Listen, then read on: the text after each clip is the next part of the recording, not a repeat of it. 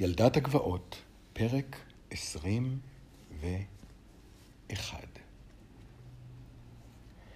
היה חמים בפיר המדרגות האפלולי, וריח חזק של אדמה ושל שורשי צמחים עמד באוויר. ללא כל חשש מפני מעידה על המדרגות הרעועות, הלולייניות, מיהרה ססקי בעקבותיו של טינקווה, ידה האחת אוחזת בחוזקה בכתפו, וידה האחרת בשרוול בגדו הגס של תם. דמויות שהיו ברורות רק למחצה חלפו על פניהם. כמה מהן נדחקות בדרכן כלפי מעלה, מעטות ממהרות בדרכן כלפי מטה, ובעקבותיהן נישאים בחלל חלקי משפטים ושיחות. לפתע נשבה רוח קרירה כלפי מעלה, כמו התחושה הצוננת של נשיפה על פני השלג, וזוהר ירקרק עמום הבהב על פני הקירות הגסים של המנהרה שלפניהם. הריח החזק של האדמה פינה את מקומו לריח הצונן של אבן, וקולות הצחוק והפטפוטים הקרובים נחלשו, עד שהפכו לתערובת חסרת פשר של קולות רבים שצפו, עלו ונישאו מלמטה.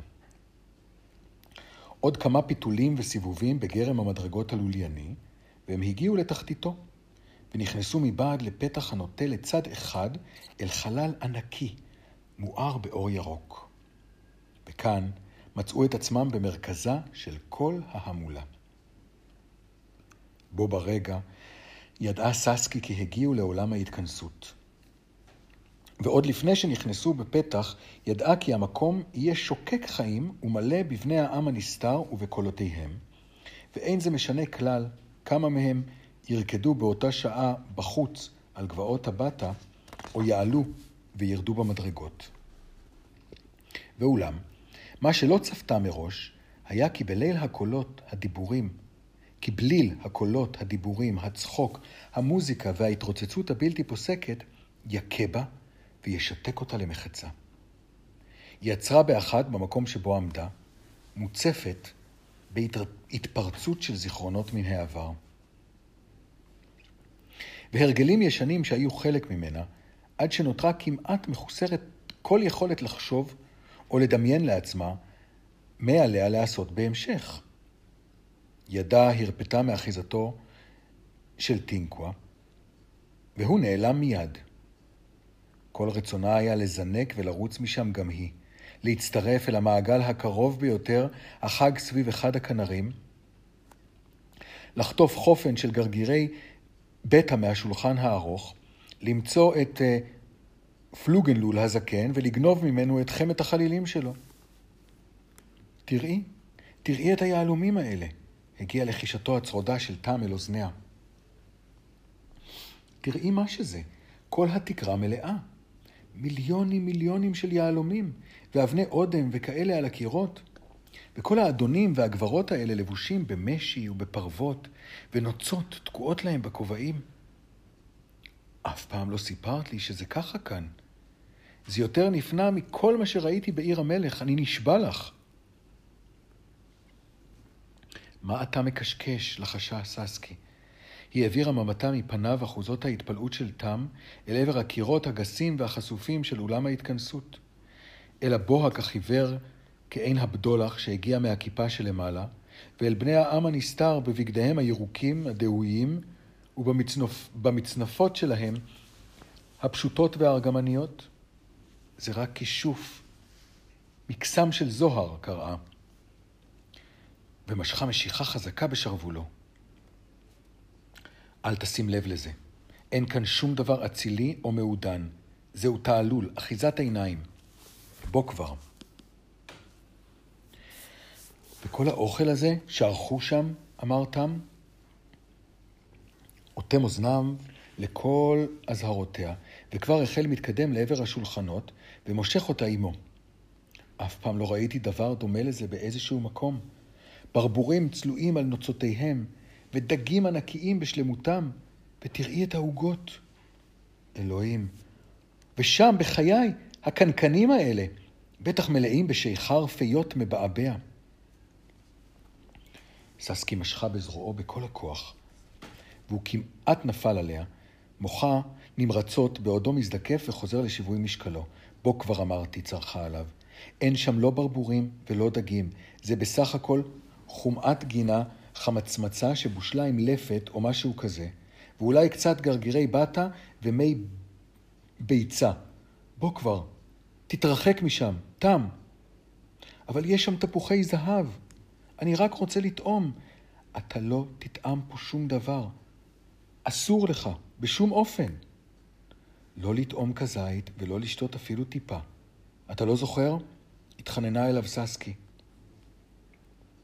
לבסוף הביט בה, ונראה היה כי חזר לשלוט בעצמו. עכשיו אני זוכר. לא לטעום כזית ולא לשתות אפילו טיפה. בואי נסתלק מהמקום הזה. נתרחק מהשולחנות האלה. אבל אני לא יודעת לאן ללכת. הצורך המיידי להתמודד עם המשימה העזה שחש תם החריד אותה לרגע מהחלומות שהשתלטו עליה, והחליש את כוח ההתנגדות שלה לחיים הישנים. עליה להישמר מליפול ברשתו של העבר, לפחות עד שתמצא את הילדה. אל תחשבי איך היה, אמרה לעצמה ברצינות. עדיין לא. אל תחשבי על שום דבר, חוץ מאשר הילדה של אימא. איפה הטינקו הזה? שאל תם. הוא הצליח לברוח ממני, הודתה. אם אתה שואל מה דעתי, אז הוא כבר בטח בחוץ, על גבעות הבטה. הוא יחזור לפני שהנסיך יחזור, מפני שהוא ירצה את חמת החלילים שלי. ועד אז אני לא ממש צריכה אותו, בגלל שעכשיו נזכרתי איפה בית התינוקות, שרק אצליח להיזכר איך מגיעים לשם. היא התחילה ללכת לכיוון החלק המרוחק של אולם ההתכנסות. משתחלת בדרכה בין מדורות הבישול הקטנות ובין בני העם הנסתר שעסקו שם בתחינת מזונם ובבישולו. כל אותו זמן לא הרפתה את אחיזתה האיתנה משרוולו של תם. לא פעם נשרח אחריה, משמיע קריאות התפעלות מכל מיני נפלאות שרק הוא יכול היה לראות. או מתחנן בפניה שתעצור לרגע כדי שיוכל להאזין למנגינה כלשהי שניגנו שם בכינור. היא המשיכה להתעקש. אני לא רוצה, אני לא רוצה, ומשכה אותו הלאה. היה קשה למדי להמשיך ולהתרכז במה שעליה לעשות. מכל עבר באו גירויים והסחות דעת שהפריעו לה להתרכז. דמות גמישה ומוכרת, עם שערות מרחפות עברה לידם. ואז עצרה פתאום. הסתובבה, התבוננה בה. דמות אחרת התגנבה מאחוריה כדי למשוך בכישורי סינרה ולנסות להציץ לתוך צרורה. דמויות שלישית ורביעית עמדו יחד והתלחשו. מתבוננות בה בעיני תכלת לבנדר, ואחת מהן אמרה, מוקל? מוקל? ואז קפצה הדמות השנייה בשמחה, לקחה את ידה ומשכה אותה מטעם, וסחפה אותה לתוך ריקוד סוער, שממנו יצאה כשהיא מצחקקת ונרגשת, ללא שום רצון לעשות משהו מלבד להצטרף אל המעגל הבא שסחף אותה, ואל המעגל שלאחריו, ואל זה שלאחריו. הזמן נע בעצלתיים, ואחר כך האיץ בצורה מדהימה. היא איבדה לחלוטין כל אומדן של זמן. עד שנפלטה החוצה מהריקוד ונשארה לעמוד, נשענת בחוסר נשימה על דלת האדמה. מחשבותיה מגששות אחר איזו מטלה דחופה שעליה לבצע. משהו שחמק ממנה. פניה קדרו, ובאימוץ זיכרונה מצאה את עצמה ניצבת על סף פתח מוכר ולא מוכר גם יחד. הקשת הגסה הזאת, כמו הפתח למאורה של חיה. האם ייתכן שזה הפתח לבית הלימודים? היא הייתה בטוחה שהוא היה גדול יותר, מסביר פנים יותר. מסביר פנים? עזרו לי. היא שמעה את קולה מהדהד בצלילות מקפיאת דם, בזיכרונה. לא היה שם שום דבר מסביר פנים בפעם האחרונה שעברה בדלת זו, וגם לא שום עזרה. הפעם יש מישהו שעוזר לה. היא ידעה זאת בבירור, אם כי לא ידעה היכן הוא נמצא. אבל למה בכלל היא זקוקה לעזרה? זה חזר עליה בפרץ מהיר. תם. תם והילדה. היא הסתכלה סביבה בבהלה. קלטה שמץ משערו הכהה של תם ומדמותו הגבוהה והרזה בין הרוקדים במעגל. הרחק ממנה בתוך המערה הגדולה. הוא צחק, מתנודד לצד זה ולצד האחר, מפני שהרוקדים משכו אותו שוב ושוב בריקוד שצעדיו מסובכים להפליא. היא פילסה את דרכה לעברו, הודפת מעליה ידיים מושטות, מנסה שלא לראות, לא לשמוע ולא לחשוב, עד שתצליח להחזיר לעצמה את האחיזה האיתנה בזרועו. לבסוף, הצליחה לעשות זאת. היא משכה בזרועו וצרחה אל תוך אוזנו, עד שנחלץ מן ההתגודדות וקשל אחריה אל עבר קיר הסלעים הקרוב ביותר. איבדתי אותך, התנשם, בעודו נשען על הקיר המחוספס. איבדנו זה את זה, ואסור שזה יקרה בשום אופן. אתה שומע? אני... אני עדיין... היא קטעה את דבריה בבת אחת. אני עדיין בת לעם הנסתר, לפחות מחציתי, ותחושה של פחד השתלטה עליה ככל שאמת זו הלכה והתבהרה לה. את לא בדיוק מפה, אבל גם לא לגמרי משם. החלק של העם הנסתר שבה רצה רק לרקוד ולקנטר, ולא היה אכפת לו דבר מלבד השבילים הזוהרים והמוזיקה. ואילו החצי השני, האנושי, רצה לשלם לנסיך כגמולו, ולהחזיר לאמא, לאימא, לאימא שלה, את הילדה שלה. איזה מהחלקים יגבר וינצח? החלק של העם הנסתר מתקשה אפילו לזכור מה הייתה המשימה שנטלה על עצמה. התבלבלתי קצת בעצמי וכמעט איבדתי את הראש, אמרה לתם, רועדת בכל גופה. תחזיק אותי חזק. אל תעזוב אותי אפילו לרגע. ידו אחזה בידה. אני לא אעזוב אותך, אבל בכל זאת, זה היה נחמד, הריקוד הזה. אל תחשוב על זה בכלל, בוא נמשיך. שוב פנתה לעבר הדלת, שעל פי זיכרונה הייתה בצד השני של אולם ההתכנסות. בצד המרוחק מהמדרגות הלולייניות. הפעם נשארה קרובה אל קיר האבן הגס והלא אחיד, רחוקה מזרם הבאים וההולכים וממעגלי הרוקדים שבמרכז. תם שב והתכופף כדי שבליטת הסלע לא תפגע בראשו. אותן בליטות שהיו גבוהות בהרבה מעל לראשם של בני העם הנסתר. האמת היא שאפילו ססקי הייתה צריכה להתכופף לפעמים. אבל היא לא שכחה לרגע לסרוק בעיניה את הצללים שעל יד הקירות, עד שלבסוף הצליחה לראות את מה שחיפשה, כשקלטה במבט חטוף את משטח העץ החלק מרוב שימוש. זה שם, קראה. בחיפזון נדחקה לתוך מעבר צר שהיה חסום בסופו בדלת עץ. תם, שהתכופף כמעט עד לברכיו, מעד אחריה. לחיצה קלה על לוח העץ שבקצה הדלת הכהה וזו סבה על ציר אמצעי, ומשני צידיה נפתחו פתרי, פתחים צרים. אלוהים, אני לא יכול לעבור כאן, לחש תם. אבל למרות זאת, הוא הצליח להידחף אחריה. מכאן ואילך הלכה הדרך והתרחבה במקצת, בעודה מתפתלת כלפי מעלה. הדלת חרקה והיא סגרה מאחוריהם, והם עקפו סלע בולט ונכנסו אל תוך מסדרון שהיה מאוכלס בצללים. פה ושם האירו פתחים זוהרים את האפלולית. בבת אחת נעשה לה קל יותר לחשוב, להתמקד ולהימנע מבלבול. ואז הצליחה לשלוט בגלי ההתרגשות הגורמים לשכוח הכל.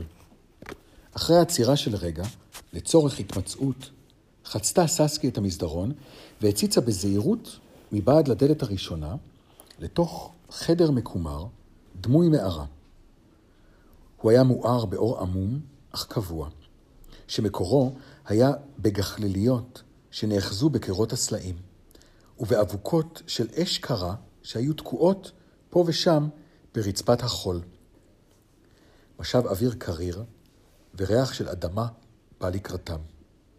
ועימו רעש של גרירת רגליים, קולות תזוזה קלים, ומעת לעת צפצוף מהוסה.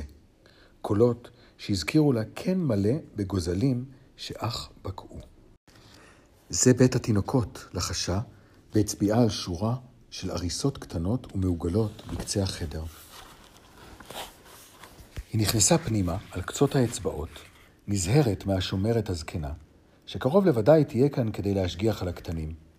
לא אחת נעזרו השומרות מבנות העם הנסתר במשרתים שהובאו מבחוץ, מהם שנשבו ומהם שכושפו. בהתחלה לא ראתה איש, ואז, בקצה השני של החדר, ראתה דמות זקנה, בודדה, שוכבת מקופלת על ערימה של סרחים גדולים, והיא שקועה בשינה עמוקה, ממש כמו התינוקות הנתונים למשמרתה. מאחוריה היה מעבר מקושט, שהיה מואר קלושות, והוליך בוודאי לתוך חדר כלשהו, מרוחק יותר. צללית שדמתה לאחד מבני העם הנסתר, נראתה חוצה אותו. לילדה לא היה כל סימן וזכר. הריסות מזהב יש להם, מתנשם תם, שהציץ בעיניים קרועות לרווחה אל תוך ההריסה הקטנה שהייתה קרובה אליו ביותר. הם ישנים להם כמו נסיכים קטנים. המיטות לא היו אלא תפרחות של קוצן, והריסות הזהב לא היו אלא סלים גסים, כלואים מעשב ומרופדים בעלים. אבל הוא חזר והתפעל, וזה היה מדאיג. מה יקרה אם שניהם ישכחו לשם מה באו לכאן? ססקי לא בזבזה זמן על ויכוחים. במקום לענות לו, היא חיפשה את הסיר שהכיל את המשחה, מפני שהסיר הזה אמור היה להימצא למיטב ידיעתה כאן, בחדר התינוקות. במשחה הזו מרחו את התינוקות מדי יום ביומו. מגע אחד של המשחה על עפעפיו, והוא יראה בדיוק מה שבני העם הנסתר ראו, ולא את קסם הכישוף שנוצר כדי לעוור ולבלבל את הזרים שנקנעו לכאן מבחוץ. היא הבחינה בכד אבן זעיר על המדף, ומיד מיהרה וזינקה לעברו. באותו הרגע שבו טבלה את אצבעה בתוכו, חשך הפתח שבצידו השני של החדר, ואחת המשגיחות הזקנות נכנסה לחדר ודידתה לעברם, בעודה נוזפת בהם בכעס בשפה העתיקה. ססקי נסוגה בחיפזון. מצייצת התנצלות בקול גבוה. זו רק אני, מטפלת, לא התכוונתי להזיק. אני כבר מסתלקת, אני הולכת לי. היא נסוגה לעבר המסדרון, והסתובבה כדי לדחוף לפניה את תם אל תוך הצללים הרבים שהצטופפו על יד הקיר. ראית? ראית את זה? תם השמיע קריאת התלהבות ומיהר להנמיך את קולו ללחישה כשססקי סימנה לו להיות בשקט. ועם זאת, לא הפסיק לסובב את ראשו אל מעבר לכתפו כדי להוסיף ולהביט. היה לה כתר על הראש. יש להם מלקות פה בשביל לטפל בתינוקות האלה, לא פחות ולא יותר. מה היא אמרה לך? היא אמרה לנו להסתלק. רק תעמוד כאן בשקט. הם עמדו כפופים, מסתתרים מאחורי גוש סלע שבלט מן הקיר.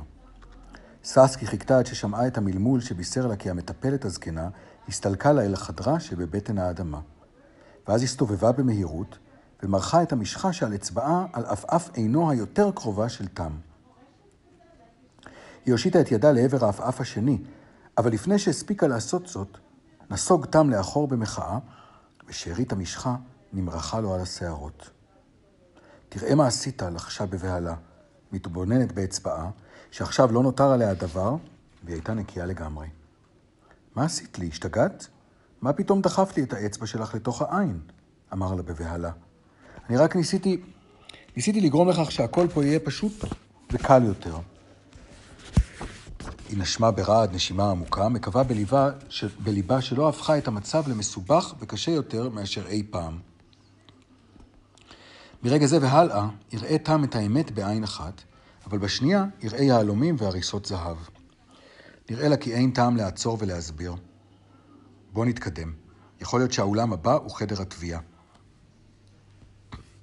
אבל הפתח הבא בקיר האבן, שזוהר חיוור בקע ממנו, הוביל אל הרפת, שבה הוחזקו הפרות אדומות הקרניים. הדבר הזה היה ברור לחלוטין לכל אף, אם גם היה פחות ברור לעיניים. הלפיד האחד שפך את אורו על מערה ריקה. הלילה היה גם הבקר בחוץ, על פני גבעות הבטה. ססקי משכה את תם הלאה, אל הדלת האחרונה. מבט מהיר אחד לאורכו של החדר הרחב והנמוך, גילה לה נולים עזובים רבים, שולחן עבודה מצולק, ועליו ערימות של כישורים, כדורי צמר ופקעות של קורי עכביש שמאז ומעולם ידעה כי יימצאו שם. על המדפים היו כדורי צמר בצבע ירוק אדמה, וגליל אחד או שניים של אריג זוהר מקורי העכביש, מתנועע ומרחף קלות, שקוף למחצה, שהיה דומה לבועות סבון, וכה מלא היה באור, עד שלפלא היה כיצד נשאר צמוד למדף. זה אכן היה עולם התביעה וההריגה. והלילה הוא היה שקט לגמרי ועזוב באורות הזוהרים והמהבהבים במקצת. היא פסעה פנימה בזהירות. הפתח היה רחב, אבל נמוך, ומשום כך צריך היה טעם להתכופף, וכאשר התיישר, חיכתה ססקי בחוסר מנוחה למבחן הראשון של עיניו, שכל אחת מהן ראייתה הייתה שונה. במשך רגע תמים העיף מבטים סביב סביב ורק עפעף בעיניו, ואז מלמל אלוהים. לאחר מכן כימת את מצחו ושפשף את עינו הימנית, שהייתה העין שבה נגעה שם המשחה. מה אתה רואה? שאלה ססקי בלחישה. ערימות של משהו מזהב. מה זה? אלה גיזות זהב? וגם משי ו... רגע, זה אולם ההריגה והתביעה שחיפשת, נכון? והנה, באמת שם נמצאים הנולים וכל השאר.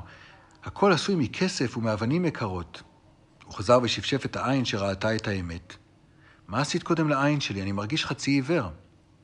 תכסה את העין השנייה, אמרה לו ססקי. הוא עשה כדבריה, והאכזבה הפתאומית שעל פניו גילתה לה את מה שרצתה לדעת. כאשר שתי עיניו היו פקוחות, השתלט קסם הכישוף בזוהרו, וטשטש והעלים את המציאות העלובה. אבל עכשיו ראה את האמת. לפני שהספיקה להפציר בו לכסות את העין המשקרת, הוא תפס במהירות את כתפיה בשתי ידיו ומשך אותה בחזרה אל הצללים. היא הסתובבה, ומיד שכחה כל דבר אחר. מתוך הדלת הפנימית הופיעה דמות קטנה, שבאה וחצתה את החדר לעברו של השולחן העמוס. הייתה זו ילדה קטנה, ששערה הכהה הארוך היה מפוזר על גבה. היא הייתה כמעט בגובהה של ססקי, אם כי הייתה עגלגלה יותר וצעירה יותר. למרות הבגדים הירקרקים שלבשה, ברור היה לעין כי אינה מבנות העם הנסתר. אפשר היה לראות זאת בכך שלא היו לה הידיים והרגליים הארוכות האופייניות לבני העם הנסתר. וגם בכך שפניה, שנעדר המבע הערני והערמומי של בני העם הנסתר. היא הייתה ילדתם של בני אדם. אבל בהבעת פניה הריקה, האטומה וחסרת החיים, ובהליכתה האיטית והנגררת לאורכו של החדר, לא נותר שום דבר ילדותי. זה לא היא, חשבה ססקי לעצמה מיד, זו טעות. אבל אז הפנתה הילדה את ראשה, ואור האבוקה הירקרק האיר את מלוא פניה. הפנים היו עגולים, הגבות כהות, והעיניים היו כחולות כרקיע, עד כי גרמו לססקי לעצור את נשימתה. שכן היו אלה ללא ספק עיניה של אנברה. כאן לא יכלה להיות שום טעות. הייתה זו הילדה של אימא.